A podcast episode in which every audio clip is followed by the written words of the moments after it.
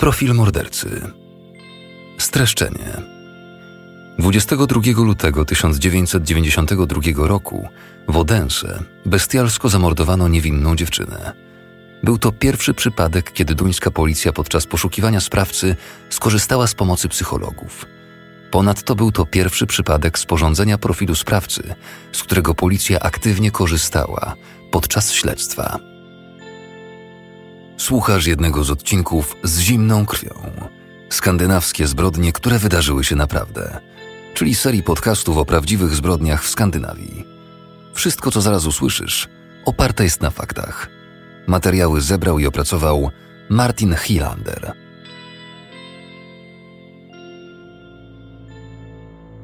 Jest to historia najbardziej bestialskiego mordu na niewinnej dziewczynie. Był to pierwszy przypadek, kiedy duńska policja podczas poszukiwania sprawcy skorzystała z pomocy psychologów.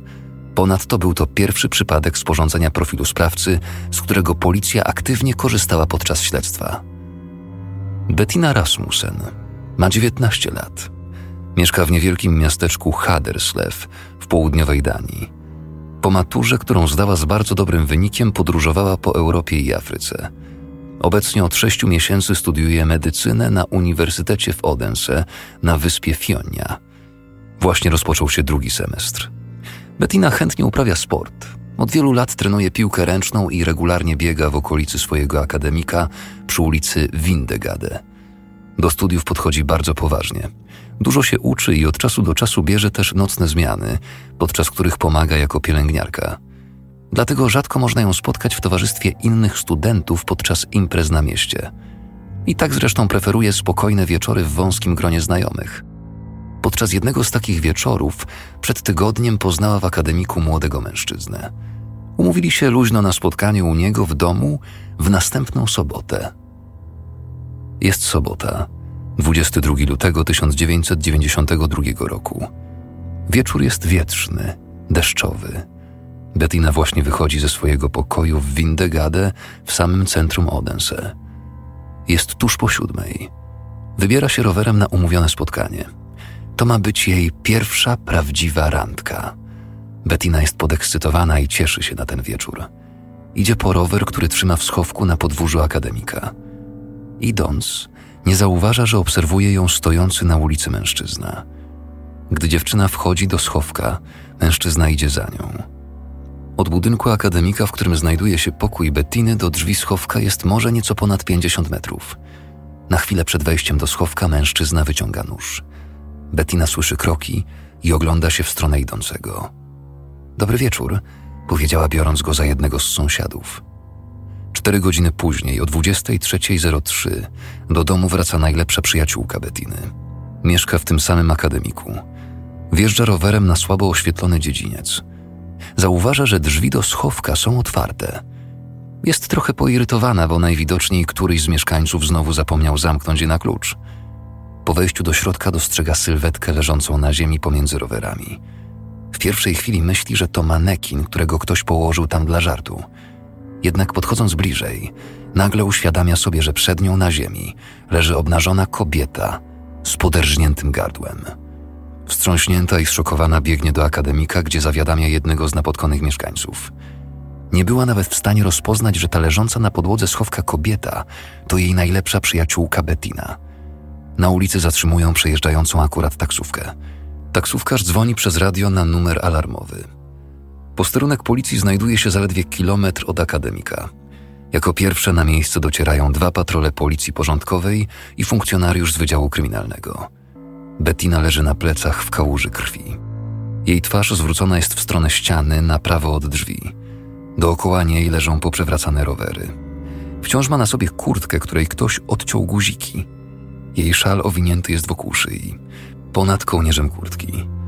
Zarówno bawełniany podkoszulek, jak i biustonosz zostały rozcięte po środku tak, że odsłaniają jej brzuch.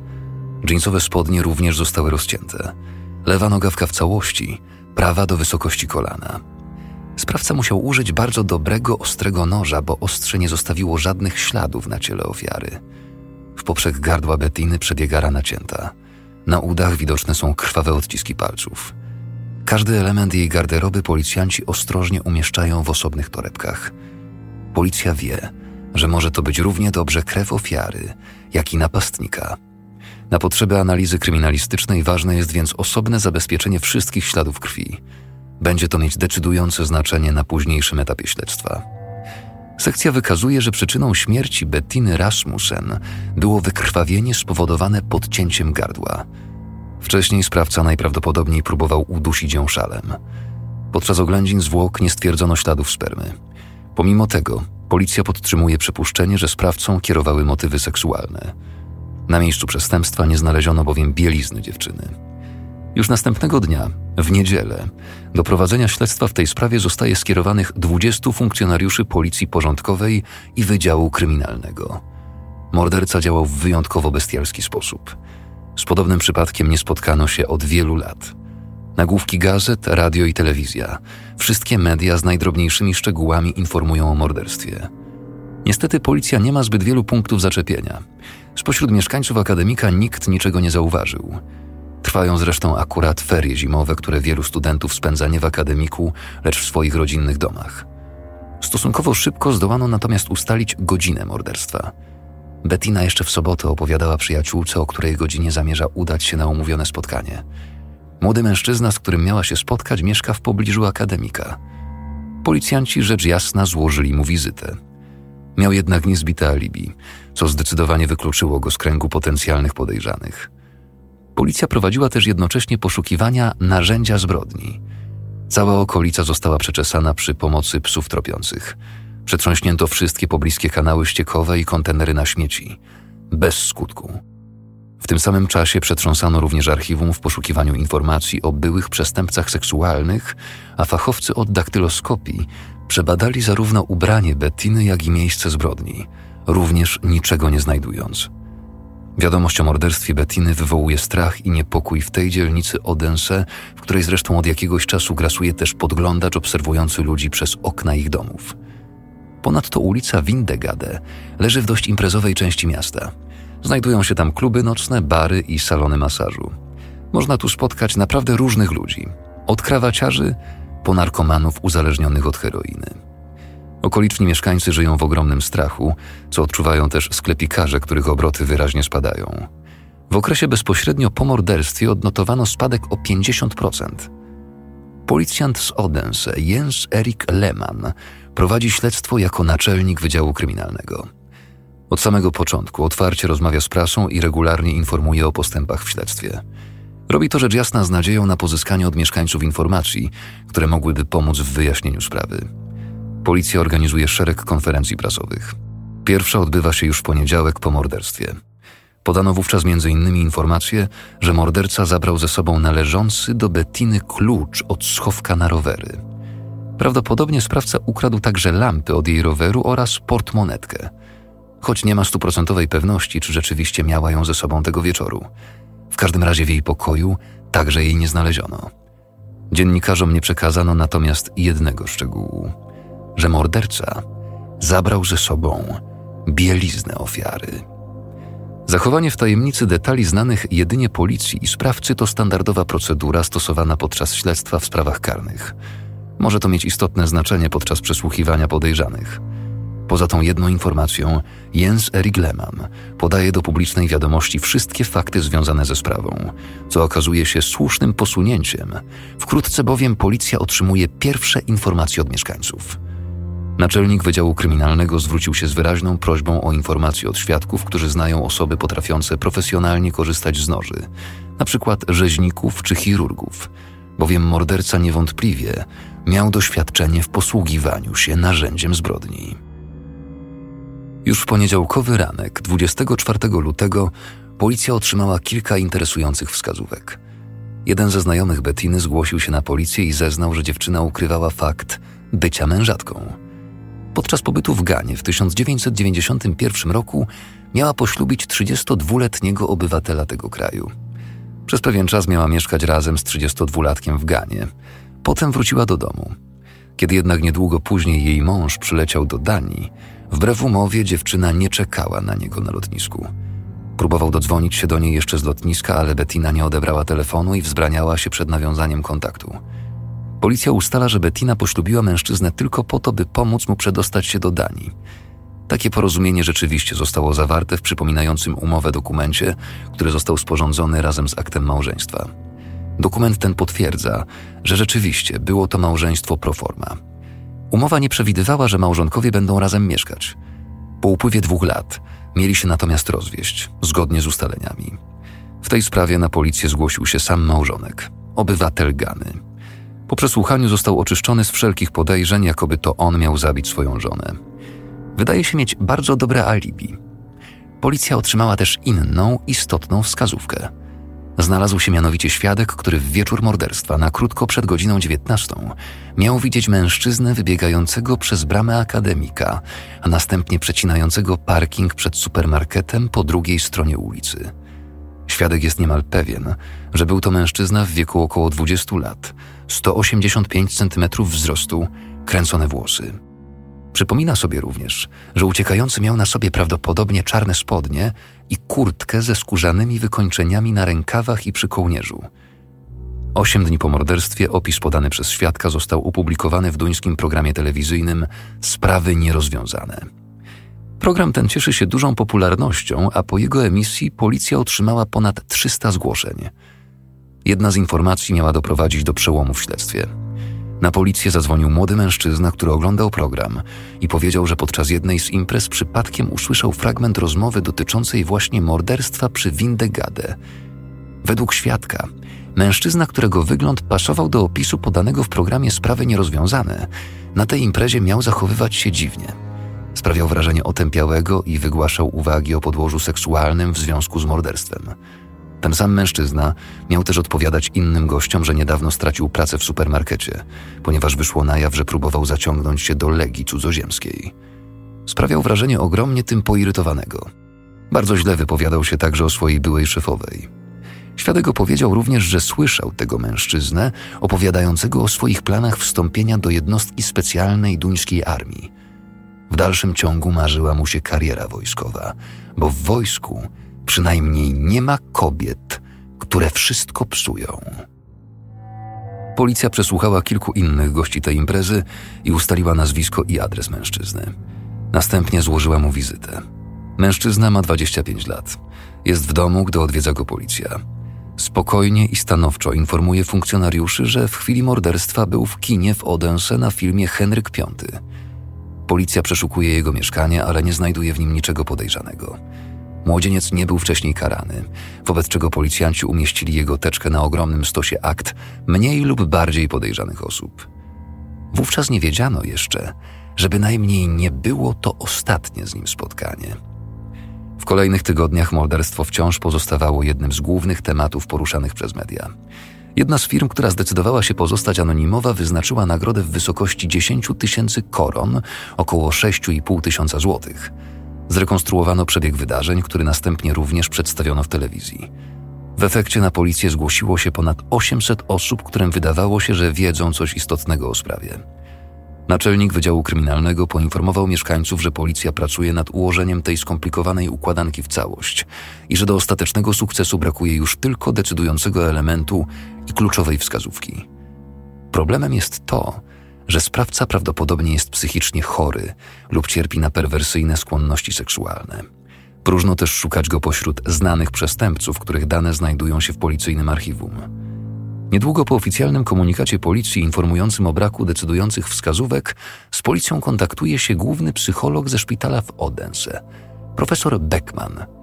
Jest przekonany, że na podstawie zebranych dotychczas w sprawie informacji, on i jego koledzy będą w stanie stworzyć profil psychologiczny sprawcy – Policja nie od razu przyjmuje tę ofertę pomocy w obawie, że sporządzenie takiego raportu mogłoby utrudnić śledztwo. Ostatecznie jednak przystano na propozycję. Profesor Beckman i jego współpracownicy otrzymali dostęp do akt śledztwa. Kilka tygodni później psychologowie przedstawili gotowy raport.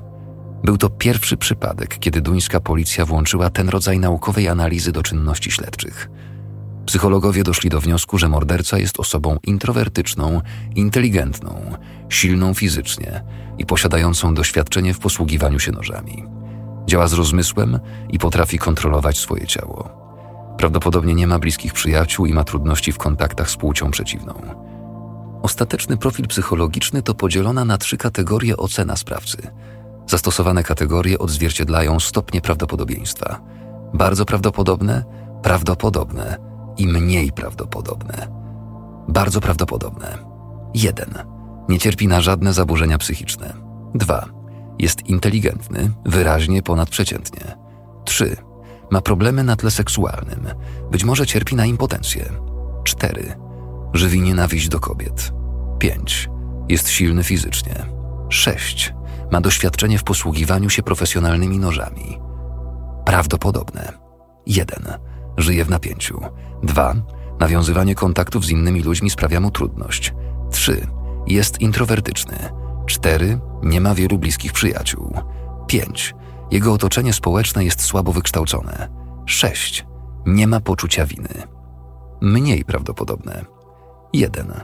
Nie ma dziewczyny, niedawno przeżył upokorzenie lub odrzucenie. Jest rozczarowany swoją dziewczyną albo kobietami w ogóle. 2. Pociąga go seksualność, ale jednocześnie też wzbudza w nim lęk. 3. Cierpi na perwersyjne skłonności seksualne, objawiające się tym, że w jego przypadku seksualność manifestuje się niemal wyłącznie fantazjami albo działaniami pełnymi przemocy. 4. Cierpi na obsesyjną gotowość do dopuszczania się przemocy, co pokrywa się u niego z popędem seksualnym. 5. W sadystyczny sposób podkreśla przemoc, której dopuszcza się z całkowitą obojętnością. 6. Utrata przytomności u ofiary stymuluje go seksualnie lub wzmaga agresję. 9 marca, a więc dwa tygodnie po morderstwie, dały się zauważyć wyraźne postępy w śledztwie. Nie były one jednak zasługą psychologów, lecz techników policyjnych z Wydziału Genetyki Sądowej w Kopenhadze. Pracownicy Instytutu przebadali krew zabezpieczoną na ubraniu Bettiny i doszli do wniosku, że krew znaleziona na butach nie należy do dziewczyny. Była to bardzo rzadka grupa krwi występująca u jednej na 25 tysięcy osób.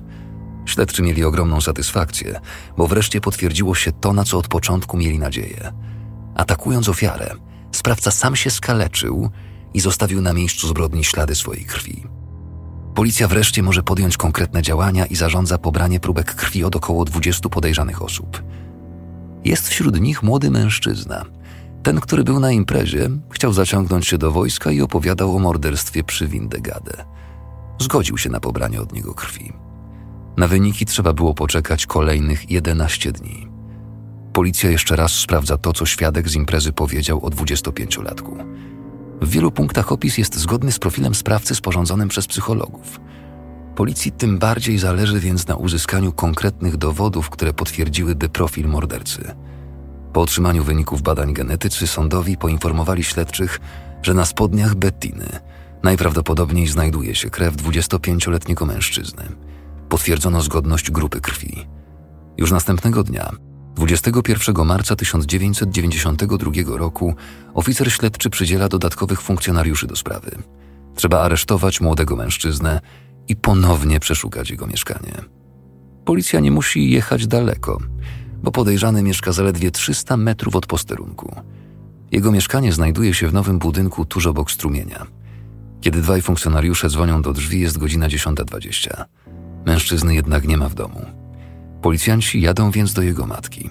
Otworzywszy drzwi, kobieta nie ukrywa, że syn rzeczywiście jest właśnie u niej. Młodzieniec wychodzi do przedpokoju i widząc policję, prosi matkę, by ta przeszła do salonu. Policjanci informują go, że jest oskarżony o morderstwo. Ku ich ogromnemu zaskoczeniu, mężczyzna od razu się przyznaje. Wydaje się wręcz, że odczuwa ulgę, mogąc wreszcie opowiedzieć o tym, co zrobił. Już podczas pierwszych przesłuchań szybko staje się jasne, iż doskonale zdawał sobie sprawę z tego, że policja prędzej czy później do niego dotrze. Z przesłuchań jego znajomych wyłania się natomiast obraz wycofanego i osamotnionego dziwaka. Jego dzieciństwo zdominowane było przez niestroniącego od przemocy ojca. Jako nastolatek z kolei sam łatwo ulegał prowokacjom i wdawał się w bójki. Będąc dzieckiem, większość czasu poświęcał na czytanie komiksów i oglądanie filmów wojennych. Jeden z jego dawnych kolegów ze szkoły opowiedział bulwarówce BT po jego aresztowaniu, że w szkole Jens rzadko się odzywał i bardzo starał się nie zwracać na siebie uwagi. W podstawówce nie wiodło mu się zbyt dobrze. Z zeznań wielu jego kolegów ze szkolnej ławy wynika jednak, że bycie odludkiem było jego własną decyzją. Nigdy nie był mobbingowany ani wykluczany z grupy. Nie uczestniczył praktycznie w żadnych szkolnych wyjściach czy wycieczkach i chociaż był zapraszany na imprezy, nigdy nie przychodził. Po ukończeniu dziewiątej klasy w 1982 roku poszedł do szkoły zawodowej, którą z powodzeniem ukończył, zdając egzamin. Następnie rozpoczął naukę w Akademii Handlowej, której jednak nie ukończył. W 1987 roku wstąpił do wojska. Jego szkolni koledzy twierdzą, że od czasu pobytu w armii stał się jeszcze większym dziwakiem. Urlopy spędzał wprawdzie w domu, codziennie jednak chodził w mundurze.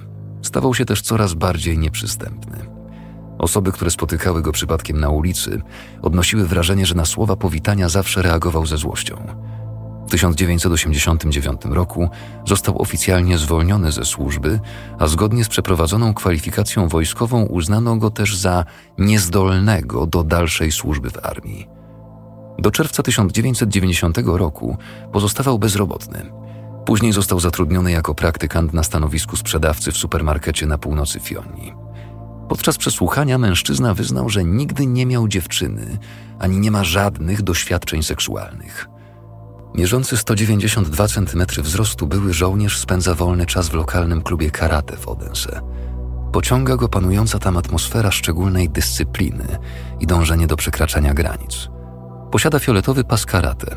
Niewiele zatem dzieli go już od uzyskania pierwszego brązowego pasa. Ponieważ nie chciał zrezygnować z marzeń o karierze wojskowej, a armia duńska odrzuciła jego podanie, postanowił wstąpić do Legii Cudzoziemskiej. Szkolenie wojskowe w Legii Cudzoziemskiej uchodzi na całym świecie za wyjątkowo ciężkie i ogromnie wymagające. Na 11 dni przed popełnieniem morderstwa, 11 lutego 1992 roku, oskarżony udał się do jednego z punktów werbunkowych Legii we Francji, by przystąpić do testów rekrutacyjnych i poddać się badaniom lekarskim. Tam poinformowano go bez ogródek, że ze względu na problemy z kolanem nie może zostać przyjęty.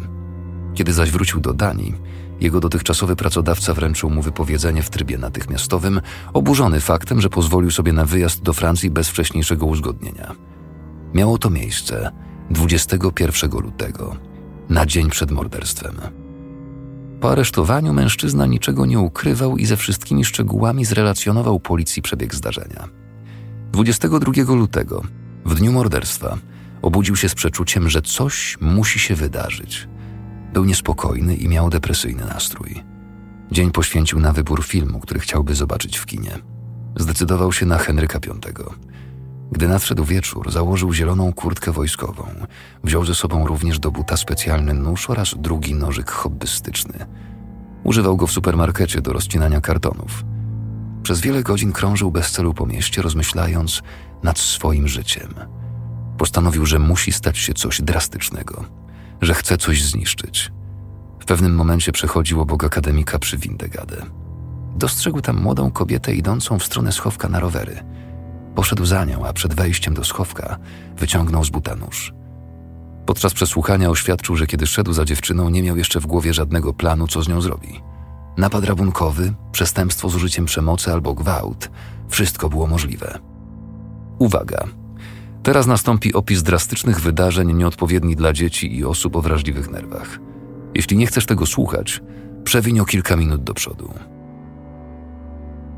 Kiedy wszedł do schowka, w środku panował półmrok. Dziewczyna odwróciła się w jego stronę i rzuciła dobry wieczór, przekonana, że jest po prostu jednym z mieszkańców, który też przyszedł po rower. Nie odpowiedział na jej powitanie. Zamiast tego stanął za nią i przyłożył jej nóż do twarzy. Jednocześnie złapał ją za gardło. Udało jej się jednak uwolnić z uścisku, a nóż upadł mu na ziemię. Wtedy ta młoda dziewczyna, Bettina, zaczęła krzyczeć. Żeby ją uciszyć, zakrył jej usta wierzchem dłoni. Bettina upadła na ziemię, zdołała się jednak podnieść. Napastnik znów chwycił ją za gardło.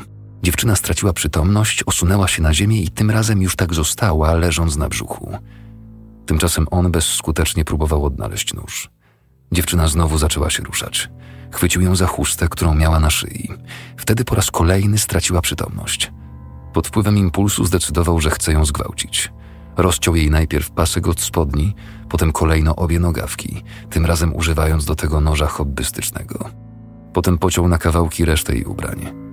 Bettina leżała teraz na plecach, naga od pasa w dół, bez bielizny, od pasa w górę ubrana już tylko częściowo. Zabrał jej portmonetkę i zegarek, chowając je do swojej kieszeni. Podjął krótką próbę odbycia z nią stosunku, ale wtedy Bettina łapczywie zaczerpnęła powietrza, znów na moment odzyskawszy przytomność. Nagle usłyszał odgłos przejeżdżającego na zewnątrz samochodu. Wpadł w panikę, bojąc się, że ktoś mógłby ją usłyszeć i uderzył dziewczynę w twarz cztery albo pięć razy. Dwoma palcami ścisnął ją za gardło i znów straciła przytomność. Jeszcze raz spróbował ją zgwałcić. Tym razem przeszkodził mu jej gwałtowny atak kaszlu. W międzyczasie dostrzegł upuszczony wcześniej nóż. Sięgnął po niego i zadał jej dwa ciosy w szyję. Jeden z nich dosięgnął tętnicę. Brzmi to absurdalnie, ale przez chwilę próbował jeszcze zatamować krwotok jej chustą, mimo iż doskonale wiedział, że już po wszystkim. Chwilę później Bettina już nie żyła. On sam mógł w tamtym momencie myśleć tylko o tym, żeby jak najszybciej stamtąd zniknąć. Idąc ku wyjściu, przypomniał sobie jeszcze, że dotknął lampy przy jej rowerze. Na wszelki wypadek zabrał ją więc ze sobą. Użył bielizny Bettiny do wytarcia swoich odcisków palców z klamki schowka. Przez kilka metrów uciekał biegiem. Zwolnił jednak, żeby nie zwracać na siebie uwagi i będąc już na ulicy skręcił w kierunku kina. Spojrzawszy na siebie, zauważył, że na palcach wciąż ma ślady krwi. Poszedł więc do domu, umył się i przebrał. I postanowił poczekać na następny seans o 21. Pomimo wydarzeń tego wieczoru w nocy spał bardzo dobrze. Nazajutrz pociął na kawałki wszystkie plastikowe karty znalezione w portfelu Bettiny. Porozrzucał je następnie w różnych przypadkowych miejscach w całym mieście. Klucz wrzucił do strumienia płynącego zaraz za jego domem. Resztę rzeczy dziewczyny spakował razem z własnymi ubraniami i dziewięciokilogramowym ciężarkiem do torby z logo Coca-Coli. Żeby pozbyć się torby, 25 lutego wsiadł na prom i wyrzucił ją do morza gdzieś pomiędzy Nyborg a Korsor. Wydaje się, że sprawcę znaleziono na podstawie zeznań świadka. Świadek widział bowiem w telewizji rekonstrukcję wydarzeń i twierdził, że rozpoznaje uciekającego mężczyznę. Otrzymał też nagrodę w wysokości 10 tysięcy koron. Paradoksalnie jednak, sprawca, jak sam powiedział, wcale nie wybiegł przez bramę. Co więcej, pobiegł w zupełnie przeciwnym kierunku. Dlatego policja uważa, że ten mężczyzna, którego rzekomo widział świadek, wcale nie był mordercą. Niemniej jednak program telewizyjny pomógł w uzyskaniu decydującej wskazówki. 22 marca 25-latek został doprowadzony przed sędziego, który zadecydował o zastosowaniu tymczasowego aresztu i oskarżony o morderstwo, gwałt oraz napad. Przyznał się tylko do morderstwa. Na temat dwóch pozostałych punktów aktu oskarżenia nie chciał się wypowiadać. Pięć dni później przyznał się jednak również do napadu i gwałtu. Co ciekawe, oskarżony upierał się, żeby podczas jego przesłuchania na sali nie było żadnych kobiet. Chociaż policja była już w posiadaniu całkowitego przyznania się sprawcy, nadal bardzo istotne było przedłożenie dowodów na potwierdzenie, że to rzeczywiście on jest mordercą. 23 marca nurkowie z prywatnej służby ratunkowej oraz nurkowie wojskowi otrzymali polecenie przeszukania płynącego przez Odense strumienia w poszukiwaniu kluczy Bettiny Rasmussen. Poszukiwania trwały cztery dni. Wreszcie jednak nurkowie się poddali. Widoczność była bardzo zła, a prąd zbyt silny. Natomiast poszukiwań torby sportowej spoczywającej rzekomo gdzieś na dnie wielkiego bełtu nawet nie rozpoczynano. Natrafienie na tak niewielkich rozmiarów przedmiot w samym środku cieśniny jest praktycznie niemożliwe. Okazało się jednak, że szczęście sprzyja policji. Miesiąc później bowiem jeden z rybaków z Korsor wyłowił z wody właśnie rzeczoną torbę z logo Coca-Coli, wyciągając nocą sieci. Dzięki gazetom rybak skojarzył torbę ze sprawą i przezornie nawet jej nie dotykał. Przez radio zawiadomił posterunek policji w Korsor o swoim znalezisku. Torba została zabezpieczona przez patrol, gdy tylko kuter wpłynął do portu. Sprawę można więc już właściwie uznać za rozwiązaną. Policja dysponuje przyznaniem się do winy oraz szeregiem dowodów. Rozprawa została zaplanowana tak, jak to zwykle bywa w przypadku rozpraw, jeśli sprawca przyznał się do winy, czyli tylko kilka posiedzeń sądu. Niespodziewanie jednak Jens zmienia zeznania. Doszedł do wniosku, że do gwałtu jednak się nie przyznaje Zeznał także, że próbował odbyć stosunek z ofiarą dopiero kiedy ta już nie żyła. Była to z jego strony próba uchylenia się od ciężkiej kary za przestępstwo gwałtu. Wymiar kary za zbezczeszczenie zwłok, który należałoby w takim przypadku zastosować, jest bowiem znacznie niższy. Prawdopodobnie Jens uświadomił sobie, że ta okoliczność może zadecydować o tym, czy czeka go 16 lat więzienia, czy też dożywocie. Ponieważ jednak przeprowadzenie rozprawy na podstawie całkowitego przyznania się do winy nie było już możliwe, Sprawa trafiła przed sąd przysięgłych. Podczas pobytu w areszcie Jens sam ledwo uszedł z życiem. Fakt, że przestępcy seksualni często bywają prześladowani przez swoich współwięźniów nie jest niczym niezwykłym. Jeden z nich dźgnął Jensa nożyczkami, kiedy mijali się na korytarzu. Niewiele brakowało, by ostrze dosięgło jedną z ważniejszych tętnic. Lekarzom w szpitalu w ostatniej chwili udało się zatamować krwotok. Matka Jensa w wywiadach dla prasy wypowiada się z zaskakującą otwartością. Nie próbuje ani usprawiedliwiać, ani wybierać straszliwej zbrodni swojego syna. Nie współczuje mu, ale to nadal jest jej syn, oświadczyła w rozmowie z Extrabladet. Policjanci prowadzący przesłuchanie opisali Jensa jako człowieka pozbawionego uczuć i nie okazującego skruchy. Podczas pobytu w areszcie został przebadany przez psychologów, którzy postawili następującą diagnozę. Sprawca jest inteligentny i nie cierpi na żadne choroby psychiczne. Cierpi natomiast na zaburzenia osobowości i jest niebezpieczny dla otoczenia. 1 kwietnia 1993 roku przed Sądem Krajowym w Odense Jens został uznany za winnego morderstwa i gwałtu. Zrezygnowano natomiast z oskarżania go o kradzież, ponieważ na tle dwóch pozostałych punktów aktu oskarżenia uznano ją za drobiazg.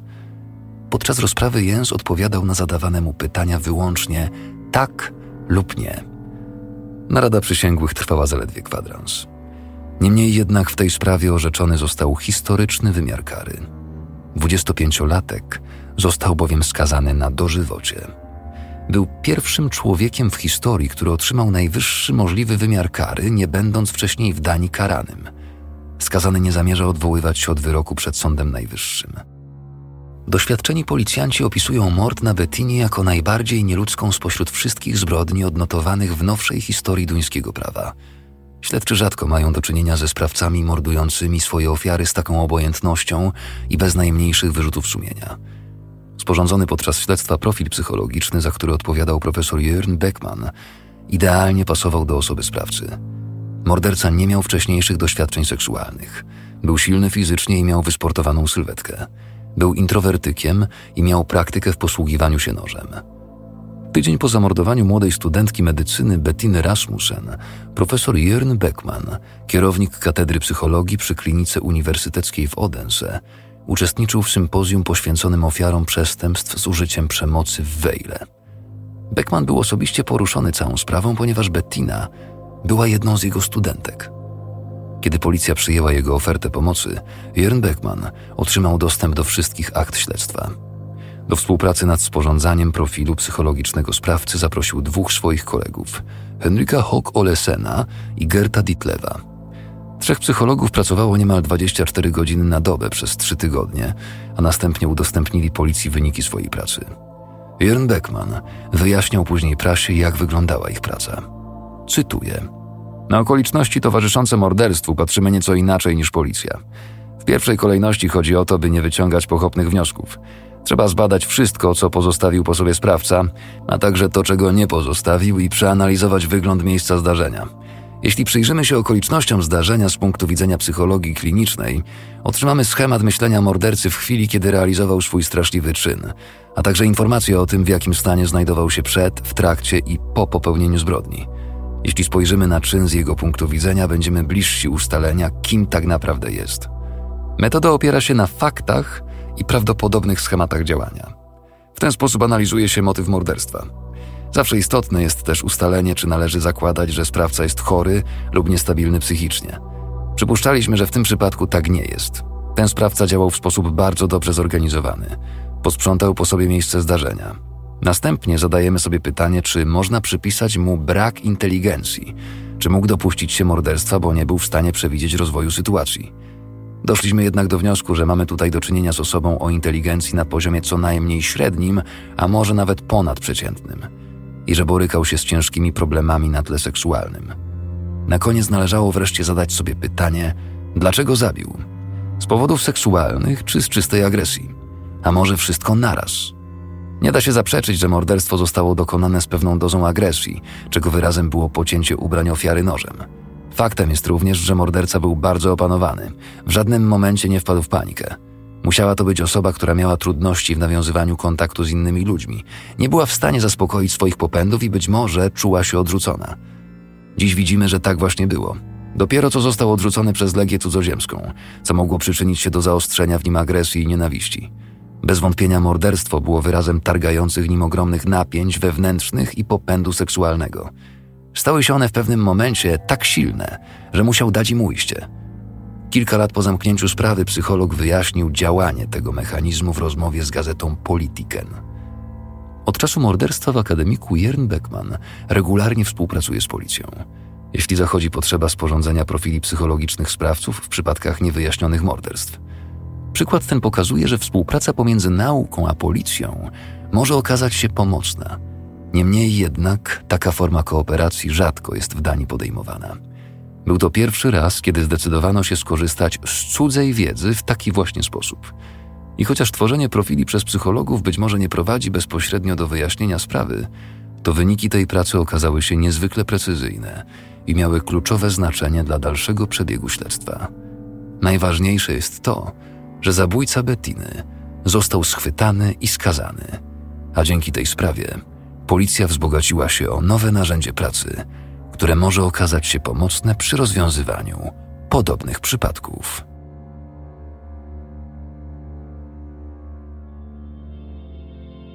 Wersja polska, tłumaczenie i realizacja nagrań Roboto Sound. Czytał Filip Kosior.